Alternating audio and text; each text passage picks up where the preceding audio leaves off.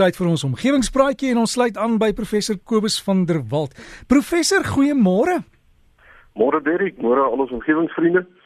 Ja, Derek, soos jy gesê het, vanoggend se brief kom uh, van meneer François Rousseau van Nelspruit en hy skryf dat soos hy dit verstaan, beweeg die aarde nou in 'n baan en hy word in die baan gehou deur aantrekkingskragte van ander hemelliggame. Nou as daar enige ongebalanseerde krag dan op hierdie aarde uitgeoefen word, dan behoort dit een of meer van vier moontlike uitwerkings te hê naamlik die aarde kan vinniger of stadiger in sy baan om die son beweeg en dit kan dan nou veroorsaak dat die aarde se baan gewysig word of dan die roteerspoed om die aarde se eie as kan vermeerder of verminder of die noord-suid as van die aarde kan skuif. Nou het hy twee vrae en dit gaan oor die kernbomtoetse wat Noord-Korea deesdae doen en ook al die kernbomtoetse wat in die verlede gedoen is op aarde. Hy sê eerstens dat as atoom- en waterstofbomme nou getoets word en die toets boonop onder die water of onder die grond plaasvind, dan moet dit tog sekerlike invloed hê op die aarde se beweging deur die ruimte. En tweedens sê hy dat as so 'n bom in die see ontplof, dan moet dit sekerlik enorme skade aan die seelewe aanrig omdat die draer van die skokgolwe nou water is uh wat die energie uh soos hy dit gestel het water het 'n groter massa as lig Hy sê hy aanvaar dat die massa van die aarde relatief groot is in vergelyking met die plofkragte, maar hy kan nie aanvaar dat dit nie in ag geneem word met die beplanning en of bestudering van die resultate van sulke enorme ontploffings nie.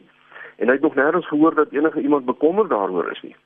Hy sê dat Newton se bewegingswet eh, wat lui dat elke aksie 'n gelyke en teenoorgestelde reaksie het, sekerlik ook van toepassing moet wees by kernbomontploffings. Ja, baie dankie meneer Frans der Sou van Nelspruit vir die brief. En ek moet dadelik sê dat u vraag baie moeilik is om te beantwoord omdat mense in hierdie geval nie heeltemal daarin kan slaag om appels met appels te vergelyk nie. Maar ek gaan tog probeer om in terme van breë konsepte te gesels. So ons fisiese vriende moet nou maar nie te fyn luister nie.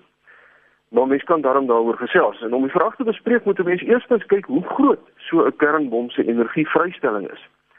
Die grootste bom wat ooit ontplof het, was die Tsar waterstofbom wat deur Rusland afgesit is op 30 Oktober 1961. En hierdie bom se plofkrag was die ekwivalent van 50 miljoen ton TNT. 50 miljoen ton TNT. Hierdie enkele bom was gelyk aan 1570 keer die gesamentlike energie van die twee bomme wat Hiroshima en Nagasaki verwoes het in die uh, in die Tweede Wêreldoorlog en 10 keer meer as al die konvensionele bomme wat tydens die Tweede Wêreldoorlog gebruik is. Die ontploffing was so geweldig dat vensters meer as 1000 km ver gebreek het. En as mens hierdie bom met natuurkragte nou vergelyk, dan sien ons dat die Charbom wel ontsaglik groot was. In vergelyking met die orkane wat in hierdie dae verwoesting saai in die Karibiese Seegebied, het daardie enkele bom 5 keer meer energie vrygestel as wat deur die orkaan Irma vrygestel is so 'n week of twee gelede. As ons nou kyk na iets soos vulkane en aardbewings, dan sien ons dat die Charbom maar net omtrent 'n kwart van die energie vrygestel het wat betrokke was by die ontploffing van die vulkaan Krakatoa in 1883. En as ons uh, nou die bom met aardbewings se energie vergelyk, dan was die energievrystelling van die Charbom maar net omtrent die helfte van dit wat vrygestel is tydens die aardbewing in 2004 wat die reuse tsunami in die Indiese Oseaan veroorsaak het. Nou, as mens die vrygestelde energie egter omwerk na die totale hoeveelheid arbeid wat verrig is, dan sien ons dat daardie enkele aardbewing, dis nou die 204 ene, nagenoeg 183000 keer meer energie vrygestel het of arbeid dan verrig het as wat die Tsarbom uh, verrig het. Um, en dit bevestig maar eintlik net weer hoe nietig die mens is. Want die grootste bom nog ooit is eintlik maar 'n breekdeel van uh van van die grootte van kragte wat betrokke is in die natuur.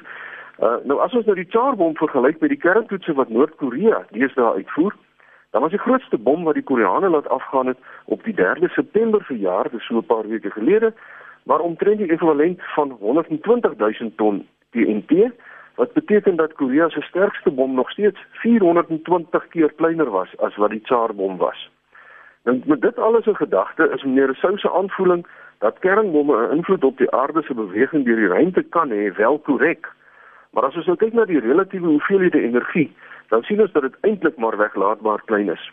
Ons weet byvoorbeeld dat die 204 aardbewing in die Indiese Oseaan wat die tsunami veroorsaak het, die posisie van die noordpool van die aarde met 2.5 cm verskuif het.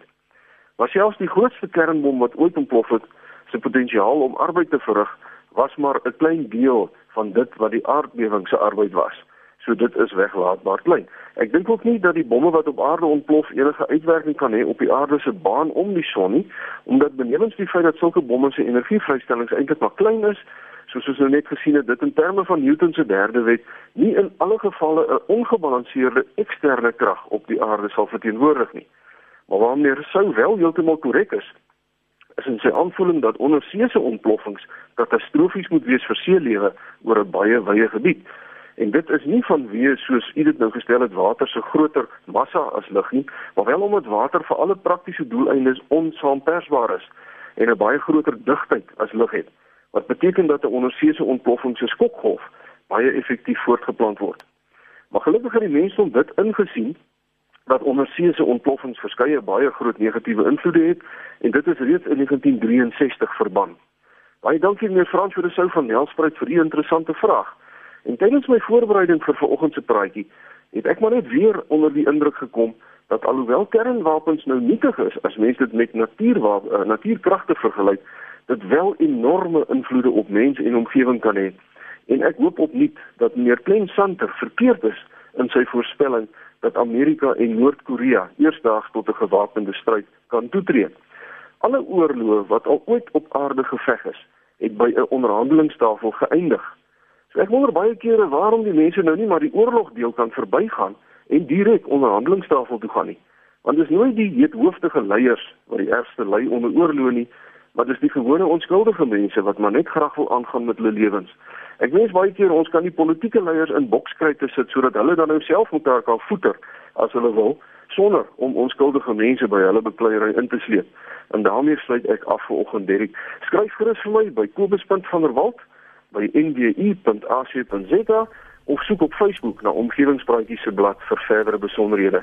En daarmee sê ek vriendelike groete tot 'n volgende keer. Kobus het iemand nie een keer gesê dat oorlog is maar net wettige moord op groot skaal nie. Ag nee, ja, mense kan nou, jy weet, ek bedoel alle oorloë wat geveg is was nie was nie uh, verkeerd nie. Daar is sekere ehm um, redes vir oorloë wat wat wat wat mense eintlik nie 'n keuse het om toe te tree tot so iets nie. Maar ek so ek is nie 'n pasifist nie, maar heel jong mense moet daarom baie mooi dink voor 'n mens so iets doen en veral die leiers, jy weet, ehm um, dis net hulle wat wat wat swaar kry. Uh. En ek dink die die mense besef dit nie altyd nie, hulle dink net nie ver genoeg nie. So uh, dink jy die leier van Noord-Korea en Donald Trump in 'n bokskruit kan dalk die ding doen? Man, dit sou in alle geval 'n groot vermaaklikheid wees. ek dink hulle sal miljarde mense hê wat op TV sal kyk. ja, nee, dit gaan die grootste geveg ooit wees. Alles van die weste, ons sien uit na die volgende praatjie. Dankie Derek, beste wense. En so gesels professor Kobus van der Walt van Noordwes Universiteit. Onthou die e-pos is kobus met 'n k, kobus.vanderwalt by nwu www.ac.za en as jy Facebook het, gaan soek maar net omgewingspraatjies, die meervoud, sal jy inligting ook daar kan jy kan ook daar bydra omgewingspraatjies.